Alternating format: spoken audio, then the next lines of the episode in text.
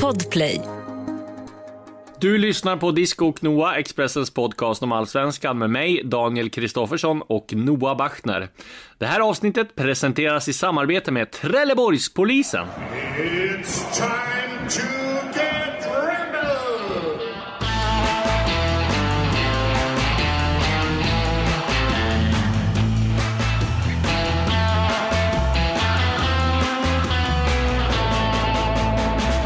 Vad har de gjort nu då? Ja, men eh, de, om de inte har det så borde de anställa en sån här social media manager. Det är väl på, var väl på tapeten för något år sedan när Twitter och Instagram och alla företag skulle, skulle vara ute på sociala medier för att vara liksom påkopplade mot eh, de nya tiderna. Så borde kanske Trelleborgspolisen Eh, anställa en.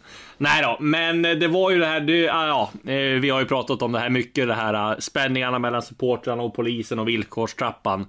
Och eh, som om inte det var nog så spädde ju Trelleborgspolisen på här.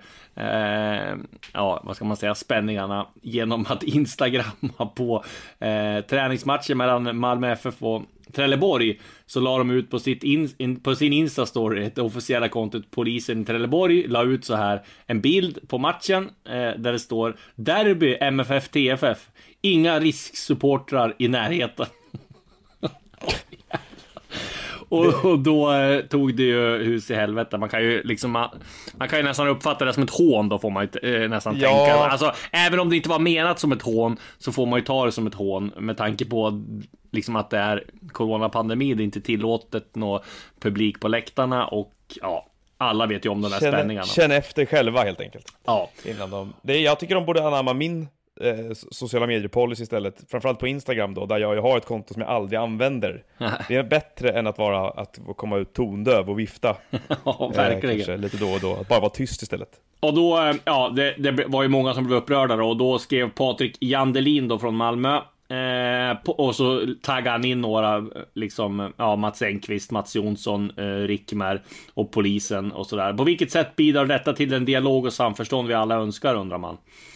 Eh, och då svarade faktiskt eh, polisen här Mats Karlsson ganska bra. Hej Patrik, oklart eh, för mig varför detta inlägg lagts upp på Instagram, men precis som du skriver så bidrar det inte till dialog och samförstånd. Vi inom polisen ska inte skriva på detta sätt utan rapportera sakligt. Med vänlig hälsning Mats Karlsson, regionalt ansvar. Så det var ett bra svar. Men, men, och de tog ju bort det där tror jag ganska fort. Så att, men man får väl göra så att alla får väl göra misstag och lära sig av dem på, på Instagram och social, so, sociala medier. Ja, är det Bara något man- som händer, är det något man ser dagligen så är det misstag i sociala medier. Ja, får Eh, man ändå har man, säga. man har till och med begått ett och annat själv några gånger. Ja, precis. det, jag, Mats Karlsson där, eh, när jag ringde runt om det här eh, ärendet för två veckor sedan där, så var han ju egentligen den enda personen i någon sorts maktposition som ville prata om de här frågorna. Ja. Och han var ju väldigt kritisk mot eh, nationella operativa avdelningen, att de inte ville uttala sig och sådär också. Så han, Nej, precis. Jag tycker han många gånger har föregått med gott exempel här eh, i, eh, inom polisen. En Eh, vettig, ett ett en vettig röst i den här debatten, får man säga. Faktiskt. Eh, han behöver inte avgå med andra ord, men det behövde Peter Hunt till slut. Efter Ja, att eh, IFK Norrköpings revisorer hade skickat ut en sorts ett larm lite grann då om saker som hade hänt under de senaste, det senaste året framförallt va? Eh, Ja, det var väl att de hade De- satt ihop eh, revisorer där, hade väl gått igenom eh, eh, året här. Det var väl något agentarvode där på 1,9 miljoner som, som fotbollskanalen uppmärksammade, uppmärksammade som man hade betalt ut, som det var lite frågetecken kring då. Samtidigt menade väl Peter Hunt då också på att eh, revisorers uppgift är, är att vara kritisk och att det var någon från styrelsen där också som menar på att eh, han hade sett bra mycket mer kritiska liksom sammanfattningar från revisorer så att eh, jag vet inte, man, man, man, men det var ju ändå rejäl kritik och så kom det ju då eh, det där kom väl på dagen tror jag, eller morgon för en vecka sedan. Och sen så kom väl hans, han meddelade till Norrköpings Tidningar då. Eh, Där han skrev att eh, kommer ikväll meddela styrelsen min omedelbara avgång som ordförande, skriver Hunt. Eh, Och Vad det också var i det där, i det där från revisorerna, ska vi tillägga, det var ju att de detaljerade att de upplever att beslutsvägarna, alltså att det har tagits beslut utan styrelsemandat, eller Ja. att, liksom, att han har kringgått vissa grejer på olika sätt, som de upplever det. Ja, vilket han då går ju inte väldigt menar. mycket i, i, Nej, precis, men det går ju väldigt mycket i linje då med misstankarna och anklagelsen som har kommit mot Peter Hunt om Ja. att han skulle ha drivit Norrköping med järnhand, eh, lite för mycket i egen regi kanske. Och eh, inte kompromissat eller lyssnat på så många andra så många gånger. Eh, och det var, och det, men jag tycker ju att det liksom, hade det där varit, hade det varit så fullständigt irrelevanta grejer så förstår jag inte riktigt varför han avgår. Eh, och han slog ifrån sig ganska ordentligt där sen i eh, ett av sina många öppna brev den här vintern. Eh, men där han ju då tog ton och försvarade sitt eget agerande i mångt och mycket. Eh, innan han avgick. Men, men jag vet inte, jag, jag, får inte ihop riktigt då att om det var så himla ofarligt allt det där så eh, så fattar jag inte riktigt varför han måste lämna sin post Nej, snabbt. och jag tyckte du skrev en väldigt bra krönika där att han flög för nära solen var väl Du hade liksom en bra take på det där att han Man ska ju komma ihåg hans arv att han var räddade klubben och att han har Tagit SM-guld och sådär men samtidigt så Ja, har det funnits en del kritiska röster också. Ja visst, nej men jag tycker, och den, eh, jag, jag hängde upp till, liksom, uppehöll mig lite vid det här lånet då som eh, Hunt gav Norrköping egentligen, som ju blev hävstången för dem för att klara sig 2010 och som sen ökades till, ja men det var väl upp på 25 miljoner kronor totalt, något sånt där, pengarna han har fått tillbaka, men där han även har tagit ut en, en eh, ränta på eh, 5,9 miljoner tror jag det var, tror jag det är. Eh, eller 5,5 miljoner och sådär. Och det, den, den kan man ju diskutera för att det liksom är, det är klart att som investering, som vilken investering som helst, så tycker väl vem som helst att det är rimligt att man får ränta på sina pengar man har lånat ut. Att han hade kunnat göra den investeringen var som helst. Eh, och, sådär. och samtidigt så är det ju liksom då kanske en premiss att föreningen, föreningsekonomi, alltså föreningsdemokrati och svenska fotbollsföreningar, i regel, normen är ju att du ska inte tjäna pengar på att investera i dem, liksom, till exempel. Att, eh, det där är ju pengar, Norrköpings, pengar ur Norrköpings kassa som betalas ut till Peter Hund som en sorts belöning för att han hjälpte klubben. Och den, det vore intressant om du ser om det fanns en sån klausul och vad den, vem bestämde den och så vidare. Och så där. Att det där, mycket av de här stora frågorna som kanske finns i fonden här, att kan en person liksom, eh, med hjälp av stora räddningsinsatser skaffa sig extra mycket mandat i en förening, en, liksom, en förening som ägs av medlemmar i svensk fotboll? Nej, det kan de ju i grund och botten inte. Och det uppstår ju gång på gång, tycker jag, den här typen av konflikter med, ja, med Kindberg i Östersund var väl en annan sån, Ja. du hade Ryssholm i AFC, där någon känner att jag har givit så mycket och gjort så mycket till den här klubben nu, att jag måste få bestämma lite mer. Och sen så funkar det ju inte riktigt på det sättet. Eh, och då blir det väldigt mycket sånt här, såna här konflikter. Vi kan väl i alla fall Eh. konstatera att allsvenskan blir en stor profil fattigare i alla fall. Eh, och Ja. att eh, den här nya ordförande har ju ett rejäl uppförsbacke när det gäller att dra igång eh, intro på den första hemmamatchen nu. Hur ska han kunna toppa eh, Peter Hunts eh, eh, liksom remblande där? Det, det, vi kommer, jag tror aldrig vi kommer få se något liknande. Nej, vi behöver... Här, här behöver ju han, den nya ordföranden kommer behöva sätta sig ner och hur ska jag kunna överträffa Peter Hunts Let's get eh, It's time to get Ramble. Och han behöver göra det med hela styrelsens mandat. När han väl har pratat igenom det här med styrelsen och revisorerna inte klagar på någonting så behöver vi, vi behöver ett nytt intro till den här Just podden. där Eh, och då, eh, om jag bara får dra en personlig eh, reflektion, så var det bra att inte eh, Peter Hunt, eh, när, innan han gjorde den där It's time to get Ramble, var det bra att han inte, att han inte rådfrågade någon styrelse och vill ha mandat, för där körde han på uppstuds. Och där gjorde han det Ja. Eh, eh, ruggigt bra på uppstuds också. Så jag, Eh, väldigt, väldigt roligt dock scenario att tänka sig att eh, Peter Hund sitter vid styrelsebordet och sa och sen tänkte jag gå ut och säga It's time to get Ramble och så hör man bara hur någon annan styrelse bara nej men det heter Let, Let's get ready to rumble. Du, det är jag som bestämmer här. And it's time to get Ramble. Precis. Och så- Ja, nej, det är alltså ut. får man säga nu. Det är lite trist. Det är, det är färdigramblat. Ja. Eh, för, för Norrköping kanske det är for Bra, the best. Så kanske. eh, i längden. Eh, en annan väldigt uppmärksammad grej från den här eh, helgen då var ju det som hände i Landskrona. Och eh, jag vet inte var man ska börja med det riktigt. Eh, det var ju två händelser. Först så eh, hände det någonting på planen där Isak Sevankambo i Östersund, Östersund mötte Landskrona borta i Svenska Cupen. Eh, och eh, han upplever att han någon gör ett apljud till honom från Ja. sidan då. Det är ju ingen publik inne på själva anläggningen, utan det är någon bakom ett stängsel ja. Eh, och eh, han är ju helt säker på vad han hör här och blir, reagerar naturligtvis väldigt kraftigt. Eh, och eh, det blir mycket uppståndelse kring det där. Och sen så efter matchen så eh, upplever då Östersund att deras spelarbuss attackeras med någonting när de ska lämna Landskrona, att det kastas saker på den. Och så går det ett dygn och eh, det här fördöms starkt och eh, förbundet får inte in någon anmälan men det liksom sker ju en ganska tydlig markering mot att när det här och och Seman Kambo själv pratar om det och, och, säger att han inte riktigt liksom vet vad han ska vänta sig för att han inte varit med om det här tidigare. Eh, och sen så går polisen i Landskrona ut och säger att han har hört fel. Ja, att eh, apljuden ska vara grov skånska. Det låter ju Ja, ja, men det, ja, det, ja, det är så konstigt därför att då, men det är också att de anser sig då ha de har pratat med vittnen runt omkring där som inte säger sig ha hört någonting eh, av, av den här typen. Eh, men jag menar, det blir ju väldigt märklig situation, framförallt för den som ska bedöma det objektivt. Men polisen ja. låter också så säker på sin sak, att de liksom Ja, nej men alla runt den här personen säger att det inte var det de sa. Så nej. det måste vara ett miss han måste ha hört fel för det var grov skånska. Simon Kamba har ju spelat i Malmö FF och bott ja. i Skåne.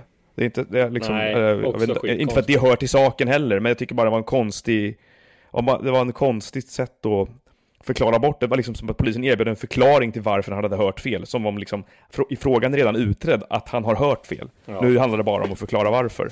Ja, väldigt märkligt. Eh, och sen, och sen var det ju stenkastning, fast det var, var väl ingen stenkastning utan det var is som hade rasat ner på bussen när de åkte ner för en bro. Va? Eller? Ja, Ja, det, det, var, det var vad de sa. Ja. I alla fall, igen då. Så polisen, polisen i Landskrona har totalt underkänt Östersunds förmåga att uppfatta verkligheten här ja. eh, på, på flera sätt. Så, eh, ja, jag vet inte, det är svårt att säga så mycket om det. Med tanke ja, det är svårt, på att det är och svårt när, man, när liksom ord står mot ord som du säger. Men, eh, ja, men ett... bara hoppas att det, här, att det här utreds ordentligt då, eh, i den mån det går. Ja. Eh, och, att, eh, och att man kom, går, lyckas gå till botten med vad som faktiskt sades och, och inte. Eh, Svenska cupen ja, igång och eh, det hände rätt mycket på rätt många olika håll. Kanske IFK Göteborg mot Sandviken var den mest underhållande matchen va?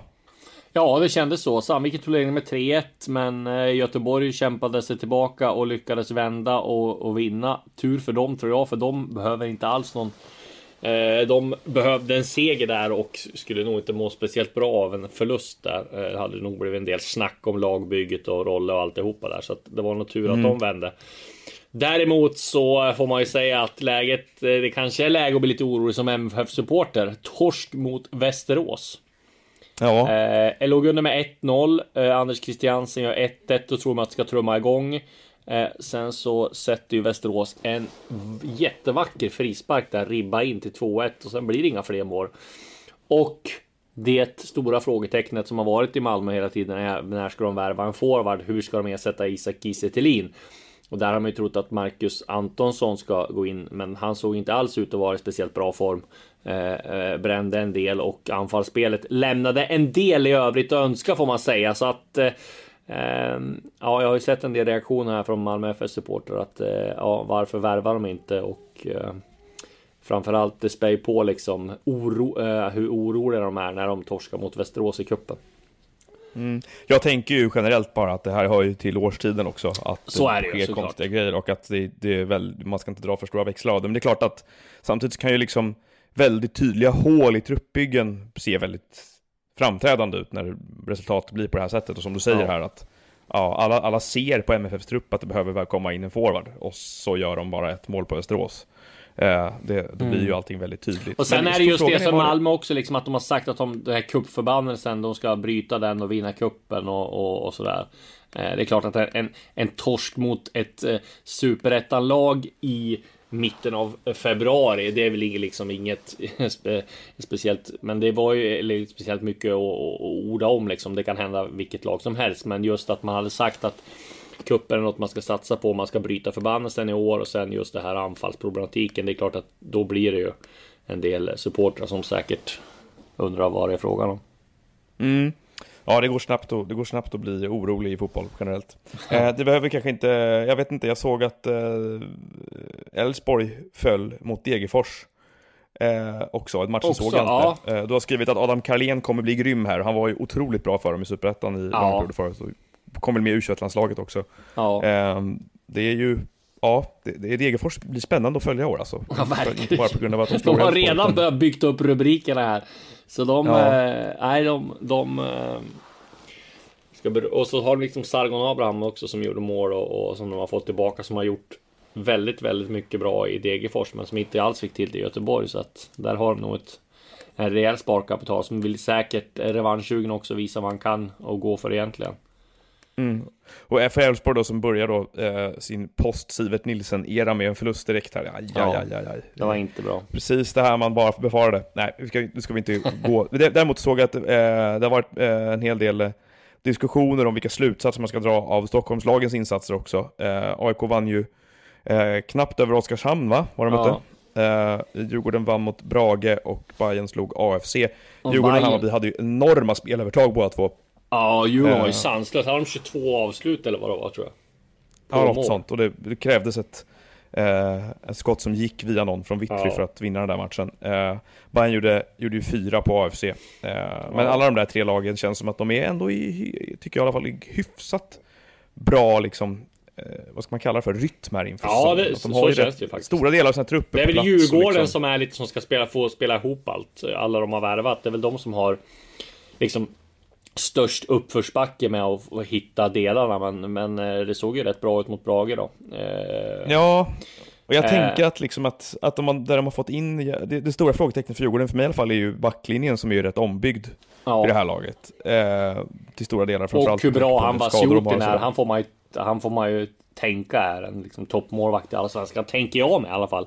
Eh, Ja. Jag har sett noll matcher med honom, men när man har hört och snackat runt så ska han ju vara ruggigt bra. Så att, mm, det, är väl, det är väl just målvaktsfrågan och backlinjen som är frågetecknen. Annars ser väl ganska stabilt ut. Jag var på eh, Tele2 i torsdags när eh, Joel Asoro och Vasjutin skulle Ja. presenteras av Bosse Andersson. Eh, och Djurgården hade insisterat där på en presskonferens i presskonferenssalen på Tele2, Mm. vilket ju väldigt många av oss som var där ställde oss frågan till eftersom vi var fem reportrar på platsen, så fyra tror jag. Jaha. Eh, och vi Det är för att Wille få... Bäckström ska sända live va? Och för ljudet ska gå ut. Det brukar ju vara det. Ja, Det är därför ja, vi får köra med kanske. mikrofon också i, eh, så här, i coronatid. Att mikrofonen ska gå runt för att det ska bli ljud till DIF TV-sändningarna. Vi hade alla individuella intervjuer med dem Ja. efteråt också. Så det, blev liksom lite, så det var ju två frågor, för man vill inte wastea sina bra frågor som Nej. man skulle ställa efteråt. Men då berättade i alla fall Bosse Andersson om, om eh, Vasjutin där att det var ett krångel för honom när han skulle in i landet. Så, såg du det här? Ja, ja att det Eh. var en, en målvakt till som hette Vasjutin. Ja, två ryska målvakter kom gående Ja. på ett helt tomt Arlanda. Nej, helt och en var någon, var han en hockeymålvakt va? den andra? typ Eller bandymålvakt? Ja. Skulle, skulle till Oskarshamn. Eh, och Bosse verkade inte riktigt helt säker på hur Vasjutin såg ut. Så han var bara glad att han fick med sig rätt målvakt hem från Arlanda. Ja. Att det inte blev den andra. Men det är ju, ja, just målvaktsposten i de här tre klubbarna eh, är lite eh, svår att läsa av. Jag tänkte på det för jag gick igenom ja, eh, material till vårt magasin här nu. Eh, Djurgården är det ju ja, att de har lånat ut Bråtvedt och att Vaiho ska stå mot, gå mot Vasjutin eh, och i AIK så är det väl eh, ja, Haugård och Janosevic som eh, eh, ska upp. Men Hammarby, i Hammarby så stod ju Ostedt här i helgen nu, Ja. där de ju har pratat upp Oliver Dovin ja, han ska stå nästa match, mycket. sa Billman. Ja, precis. Och det, och det skulle ju inte förvåna mig, för det var väl en av frågorna som jag ställde, jag kan avslöja det här då i, vår, i vårt magasin, eh, är vem står i mål i Hammarby efter sommaren? Och, det, och, och liksom, jag tror ju Dovin kommer få chansen, för att de har så mycket att vinna på att ge honom chansen istället för att Ja. spela med en 36-årig Ostedt. Och tar han den så kommer han stå den här säsongen. Ja. Eh, så att, eh, ja, det blir, det blir en spännande, det är en spännande fråga för de tre klubbarna. Eh, om vi har då vem som Det ska känns ju som att Djurgården har inte tagit hit Vasjutin för att han ska sitta på bänken. Han kommer bli första målvakt, så tolkar jag det. Det I tror jag AIK, också. I AIK är det ju mer öppet känns det som, men Janosevic eh, är ju bra där. Eh, Men samtidigt då. Det är det som är nackdelen att ha liksom två jämnbra målvakter. Det blir liksom Mm. inte halvosäkert. Eh, Så att men eh, Janosevic lär väl, lär väl ta första spaden där också, antar jag. Ett, ett annat lag som jag tänker bara, eh, som ser väldigt starka ut på pappret, eh, är ju Häcken. Det gör de ju alltid så här års. Ja. Och eh, det kommer vara två eller tre av våra kollegor som tippar att i år är det deras år och att de tar guld. Och sen kommer de förmodligen inte göra det. Men jag såg höjdpunkterna från deras seger mot, ja, nu glömde jag bort vilka var de mötte. Men var det Dalkurd de mötte va? Tror Så jag. kan det ha varit. Ja, och du lyfte ju flaggade för Leo Bengtsson förra året. Mm. Eh, och han hade ju liksom ett sorts genombrott på allsvensk nivå då. Ja. Det känns ju som att han kommer flyga ut ur allsvenskan i år här. Eh, jag såg, han ser ju liksom för snabb och bra och effektiv ut för, för i alla fall för, för Dalkurds försvar. Men Ja. att det där var ju ett tema under delar av fjolåret också. Med en hel säsongs rutin nu i kroppen så tror jag han kommer bli ett jätteutropstecken för Häcken. ja, verkligen. Eh, en, en tidig spaning där. Eh, vid sidan av planen då, Disco. Simon Tern. Ja, klar för Bråvitt. Eh, det var ju på gång här. Det var väl Vulkan, va? Var det som avslöjade först att de var intresserad? Eh, och att de, det pågick diskussioner och sen så skrev väl Fotbollskanalen att det var klart eh, här i dagarna. Och sen så blev han presenterad igår. Nej men det kittlar ju lite grann. Sen eh, är det ju lite där, Blåvitt har väl hur många mittfältare som helst nu men Tern har väl tänkt att han är väl mer än åtta än en sexa va? Mm. Så han ska väl spela i offensiva mittfältsroll och sådär och ja. Eh, han eh, avverkar ytterligare en allsvensk eh, storklubb får man väl säga då. Ja, det, så är det eh, med honom. Eh, allsvenskans legosoldat. Men han har ju, ja. Eh, han kommer ju med väldigt mycket och det känns ju som en spelare som jag tror Göteborg kan må ganska bra av. Och ha. Ja. Samtidigt så börjar det bli en hel del stora personligheter i det där omklädningsrummet nu, om man ja. tänker på det. Det kan ju bli väldigt bra om de drar åt samma håll. Det kan också eh, leda till en del meningsskiljaktigheter om det så att det inte går åt rätt håll, allt det här. Eh, men eh, han känns också som eh, en bra blåvit ingrediens i Montern och kul att han är kvar i Allsvenskan istället för att flytta till Bulgarien som ju var nära. Ja. Eh, under... Välkommen till Coolbet där spänningen aldrig tar slut och underhållningen står i centrum. Här får du inte bara Sveriges bästa fotbollsodds, du får också en spel en period där. Det var lite eh, roligt det här eh, när han för någon vecka sedan eh, skrev att på Twitter att ett lag jag kommer följa den här säsongen det är Örgryte. De, de har väldigt spännande tränare och ja, ba, ba, ba, ba. Och då var ju, när han blev klar då så var ju såklart, vad heter det, Tex, vad heter det, Tex, Per Texas Johansson före Halmstad Eh, var inne och högg direkt eh, på den tweeten och skrev att vad härligt Simon, nu får du chansen att följa Örgryte ännu närmare. Ja. Go västkusten. ja, precis, när han ska bo i Göteborg. Ja, det var lite roligt. ÖIS är ju riktigt hypade eh, under sina nya tränarduo här dock, ska jag säga. Så ja. det är inte bara Simon som... Eh, nej, nej, nej. Hela, Göte hela IFK Göteborg tror jag ser fram emot att se hur det ska gå för ÖIS i år. Exakt. Sirius tog in Josef Colley eh, för att provträna. Och eh, han är ju en spelare som, om man har följt det här håsade 99-landslaget så är han ju ett bekant namn. Han var ju kapten där och uh, ungdomsproffs i Chelsea innan. Och sen gick han till Kievo tror jag va? Eh, ja, precis. I Italien och fick inte spela så mycket där. Eh, men tillbaka i Sverige. Och det borde ju vara en rätt spännande spelare för en allsvensk klubb, på pappret i alla fall, med tanke på vilka erfarenheter han har. Eh, mm. Och eh, han då, precis som Joel Asoro, jag tänkte bara du kan lika gärna göra en smidig övergång till Asoro. Ja. Eh, därför jag stannade kvar där på Tele2 och pratade ganska länge med honom eh, efter att den här presskonferensen hade ägt rum. Och dels ur det här 99-generationsperspektivet som vi var inne på här om veckan, att det är ju sanslöst hur många spelare som har nått elitnivå och eh, gått ut till klubbar ute på kontinenten ja. eh, från det landslaget. Eh, och han berättar att, liksom att han mer eller mindre antyder att när de var även i den åldern, 16-17, att de förstod rätt många av dem, att, eller 15 till och med, att det här är inte en, vanlig, en vanligt lag där två, tre kommer att spela på elitnivå och kunna livnära sig på fotboll, utan vi är nog rätt många här som kunde kunna göra det. Ja. Eh, och han är ju bästa kompis med, med Dejan Kulusevski bland annat, så det var lite speciellt att försöka förstå från hans perspektiv då att han slog ju igenom först. Han var ju den första 99 som blev upptagen i U21-landslaget, gjorde debut i Premier League, ja. redan 2000, vad var det, 2017 tror jag, eller sånt där, ja. augusti. När han var 16 år. Eh, det kan inte ha varit 17, det måste ha varit ännu tidigare. Eh, men, eh, och sen så då blev han Netflix-innehåll och eh, eh, riktigt, riktigt, och köptes till Swansea för 2 miljoner pund. Och sen så är det då han som får vända tillbaka till allsvenskan för att hitta rätt igen, medan många av de spelare som han då sprang förbi där i början av sin karriär har exporterats ut på kontinenten. Eh, men han, ja, och det som var huvudtemat i den här intervjun lite grann, som, är, eh, som han pratade en hel del om, det är att han har mått väldigt dåligt i, i två års tid nästan. Haft stora problem privat och sådär och haft svårt att, att komma till rätta med fotbollen. Men att det var ett skäl till att han ville hem till, till Sverige och till Djurgården för att bo närmare st större delar av sin familj och eh, ja. få lugn och ro runt omkring sig och att Djurgården ja, var väl införstådda med den situationen. Ja, det låter smart och det var lite drabbande att höra honom eh, berätta om den här tiden. Det är inte, han sa det själv väldigt eh, sådär, eh, vad ska man säga, väldigt klarsynt att det, det, är inte så lätt att vara 19 eh, och fundera på allt som händer i livet. Och det kan man ju Nej, komma ihåg själv från när man var 19. Du hade för sig jättelätt, du var väl full på en kebabkiosk i utkanten av Sundsvall i och för sig. Njö- Njöt av varje sekund. Nej, Men för oss nej, andra, jag, tänk, jag tänker också på, vad heter det, Britney Spears också där, lite samma. Mm. Alltså, om man tar det ett steg till i kändisskap och jag såg en dokumentären där, från 19 Mm. år när hon skulle liksom ställas till svars för olika frågor och varför hon hade sådana där kläder och korta kjolar. Det måste vara helt fruktansvärt. Det är samma, Ja. inte, och liksom, ja, man tänker just som du säger, när- vad gjorde man själv när man var 19 liksom?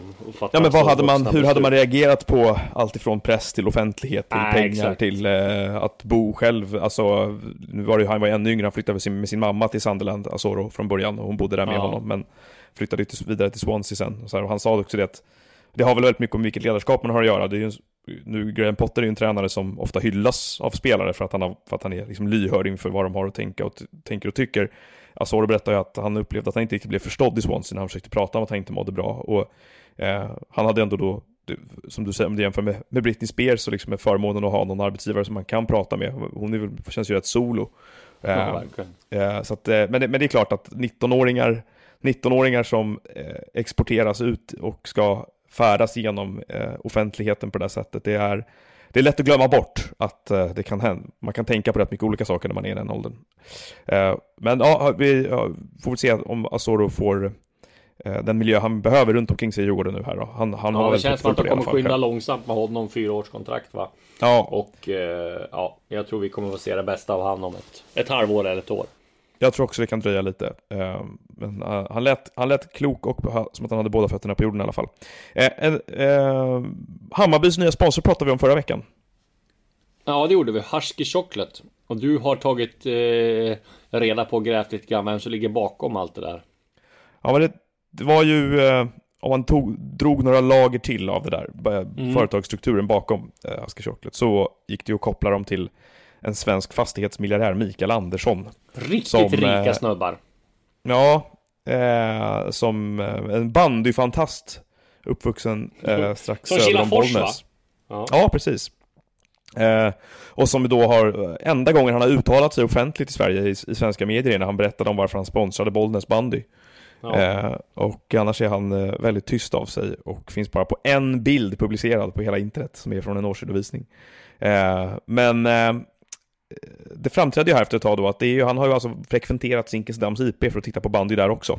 Och eh, sponsrat Hammarbys bandy under många års tid Ja. eh, på olika sätt. Och eh, det som blev på förslag då under Eh, under eh, för, förra säsongen tror jag var då att eh, man skulle spela, för att de här Husky Chocolate sponsrar bland annat Millwall i England också, han är även Ja. bland annat boende i London tror jag. Eh, att det skulle vara en träningsmatch mellan Hammarby och eh, Millwall eh, och det, det förslaget färdades sen vidare och blev en idé om att Husky Chocolate skulle bli en sponsor till hela Hammarby eh, fotboll istället, utöver bandyn.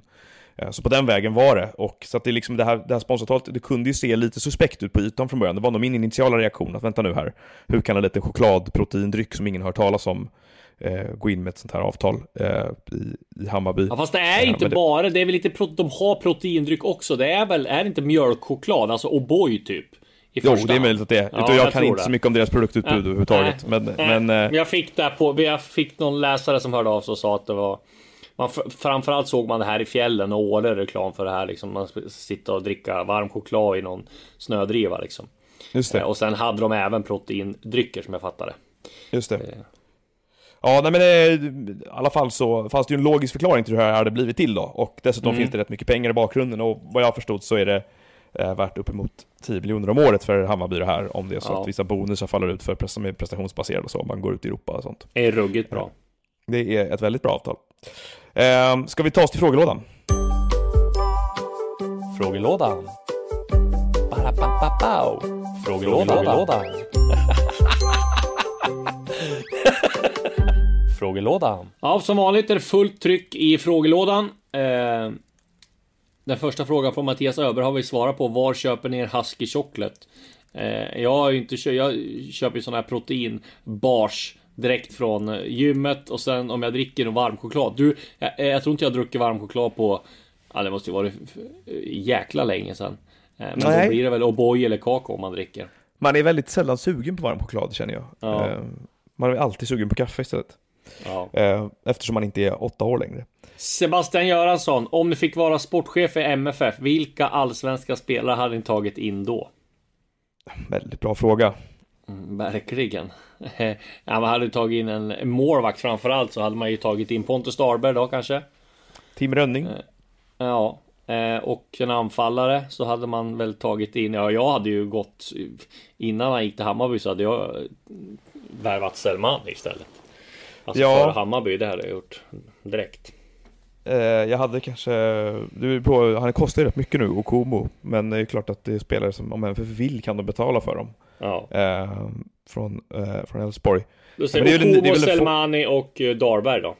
Ja, de behöver ju Selmani går forward väl också. inte att värva. Ja men Nej, Selmani, Selmani kan men, de ju inte ta nu. Nej, men Azora går inte heller ta för han är också. eh, Men vem, vilken, vilken anfallare ska vi ta då då? Den bästa är ju Nyman, men han är ju för gammal för MFF. Så honom kommer de ju inte värva. Han kommer inte vilja lämna Norrköping heller. Så det går ju inte. Haksabanovic hade man ju tagit också såklart. Ja, pre- precis. Eh, så jag förstår inte varför de inte bara gör det. Helt enkelt. Jag vill bara, Nej. jag vill bara trycka på köp. Eh, Marcus Karlsson undrar här, står MFFs verksamhet helt still? Kan du, kan du ge oss någon inblick till SKI varför det är så Nej himla men, vi, nej men jag tror de, de, de vill ju hitta någon anfallare som är ung och som de kan lägga pengar på. Som de kan sälja vidare. Så de vill ju ta någon någon eh, äldre. Jag tror till exempel det här Dino Islamovic ryktet. Jag vet inte, det låter ju jättekonstigt att de skulle lägga så mycket pengar på en 27-åring liksom.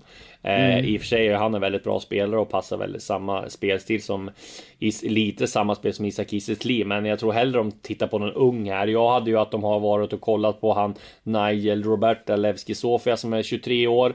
De har varit på Gyökeres, de har varit på Buya Turay som är 26. Som de ändå kan få lite utväxling av. Men eh, nej, de, de, de, det är ju svårt att hitta någon som de liksom är beredd att lägga pengar på. Anfallare finns det gott om, men sen ska de ju ha någon som de kan sälja vidare ung också. Så att deras anfallsjakt kommer nog gå vidare ett tag till tror jag. Men sen kollar de här på, på han mittbacken David Brekalo då, men det är ju slovensk u landslagsman, men där är det ju mer att de vill ha backup inför sommaren då när Just det troligtvis Rasmus Bengtsson och Anel Ahmedhodzic är sålda och Frans Brorsson och Lasse Nilssons kontrakt går ju ut efter säsongen här. Eh, Joel frågar om vi har någon koll på varför det skrev, skrevs, om det skrevs någon vidareförsäljningsklausul när Norrköping sålde Lauritsen till Dinamo Zagreb, vet du det? Ja, det gjorde det väl va? De har väl 10% eller något sånt där. Eh, Jag vet inte, jag, jag, eh, Eh, jag kan ta fram det eh, till nästa, eh, nästa frågelåda, men det tror jag det gjorde, absolut.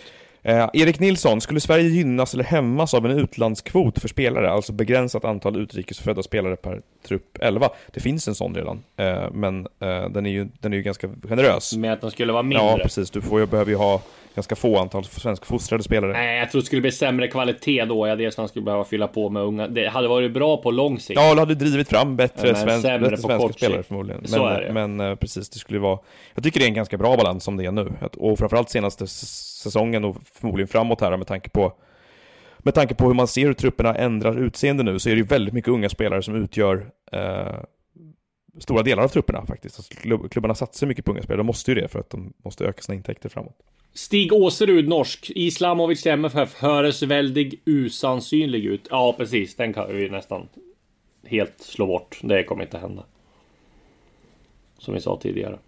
Eh, Carl Wirsén, hej och tack för en halvbra podd. Visst var det Carl Wirséns klipp på hund som vi hade Ja. från början här va? Ja, Absolut. halvbra. Det är väl han tycker introt är bra då och sen blir det dåligt.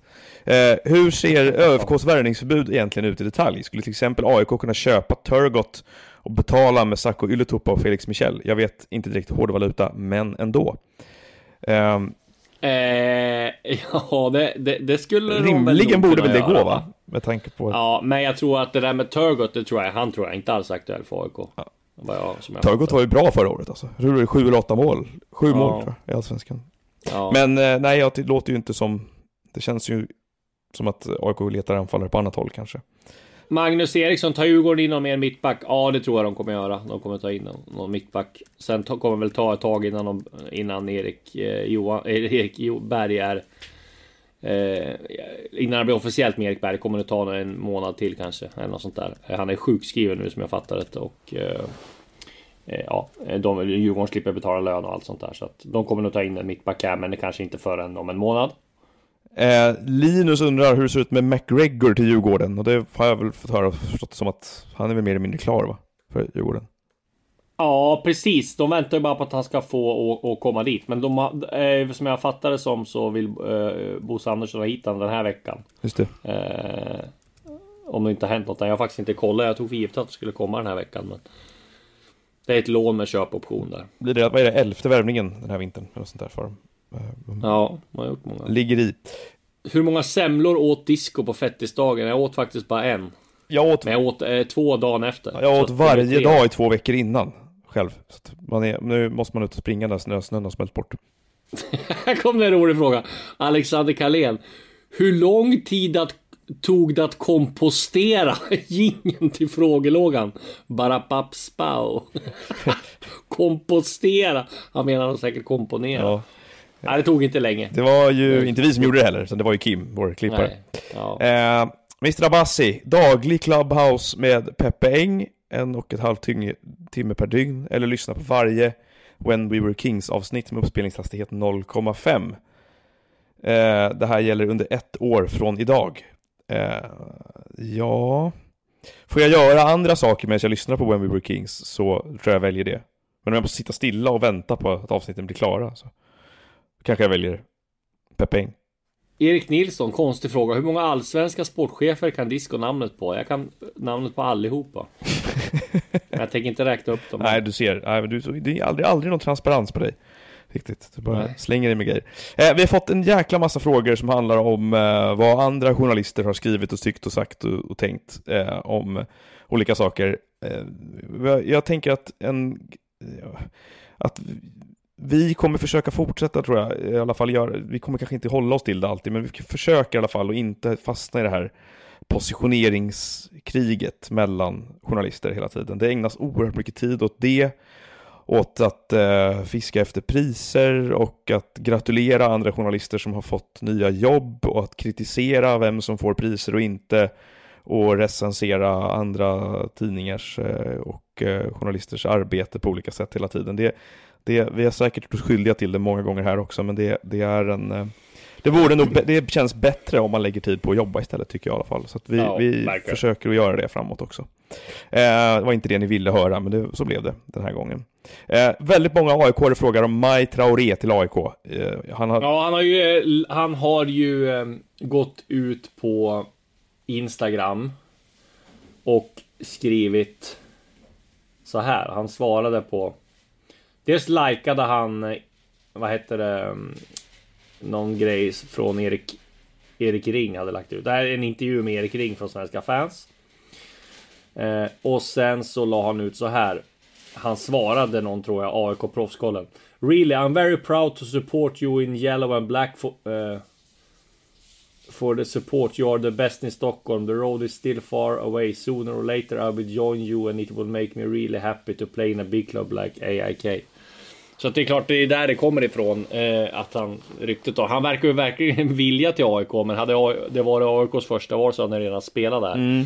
Men det beror ju på eh, prislappen om de kan tänka sig att sänka prislappen Vasalund, vilket de inte har, verkar ha varit tidigare. Sen tror jag också att en spelare som har levererat i, i division 1 eh, och som inte har levererat i, i, i superettan ännu Eh, det är en chansvärvning som jag tror att AIK inte vill lägga speciellt mycket pengar på. Så att jag skulle bli extremt förvånad om han hamnar i AIK eh, den här säsongen. Däremot så kanske han kan få en utväxling och hamna där sen.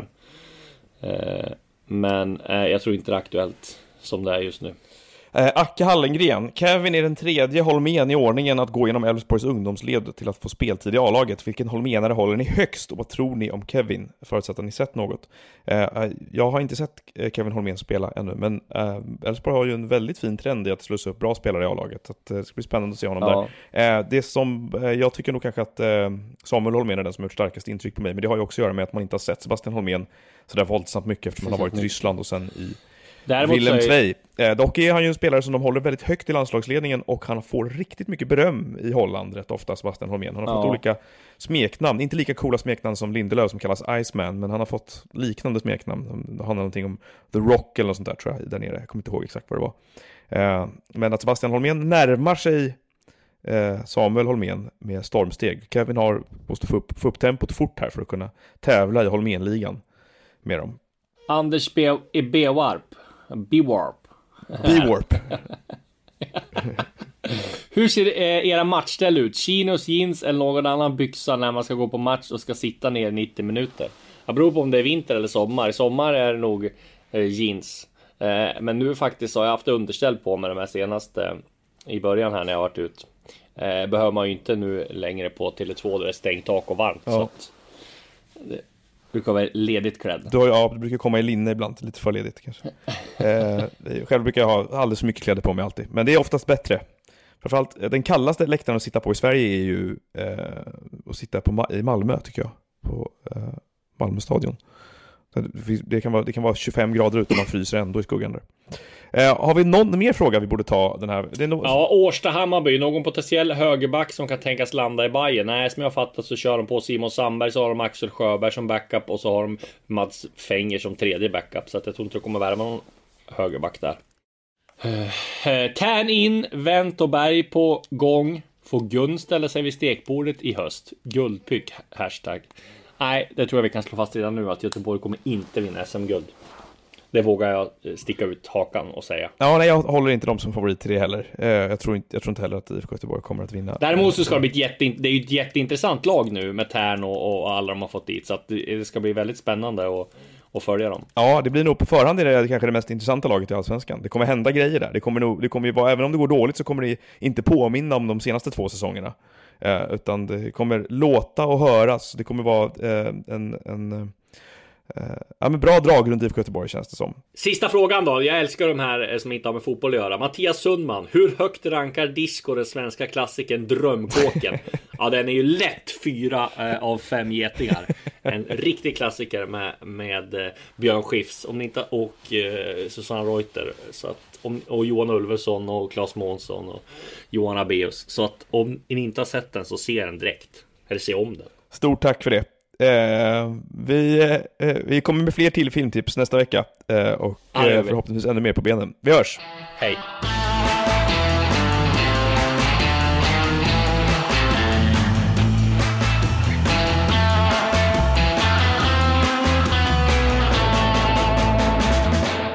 Du har lyssnat på en podcast från Expressen.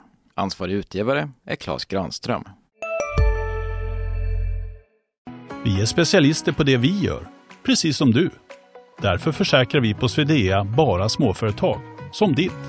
För oss är små företag alltid större än stora och vår företagsförsäkring anpassar sig helt efter firmans förutsättningar. Gå in på swedea.se företag och jämför själv. Hej, Synoptik här. Hos oss får du hjälp med att ta hand om din ögonhälsa. Med vår synundersökning kan vi upptäcka både synförändringar och tecken på vanliga ögonsjukdomar. Boka tid på synoptik.se.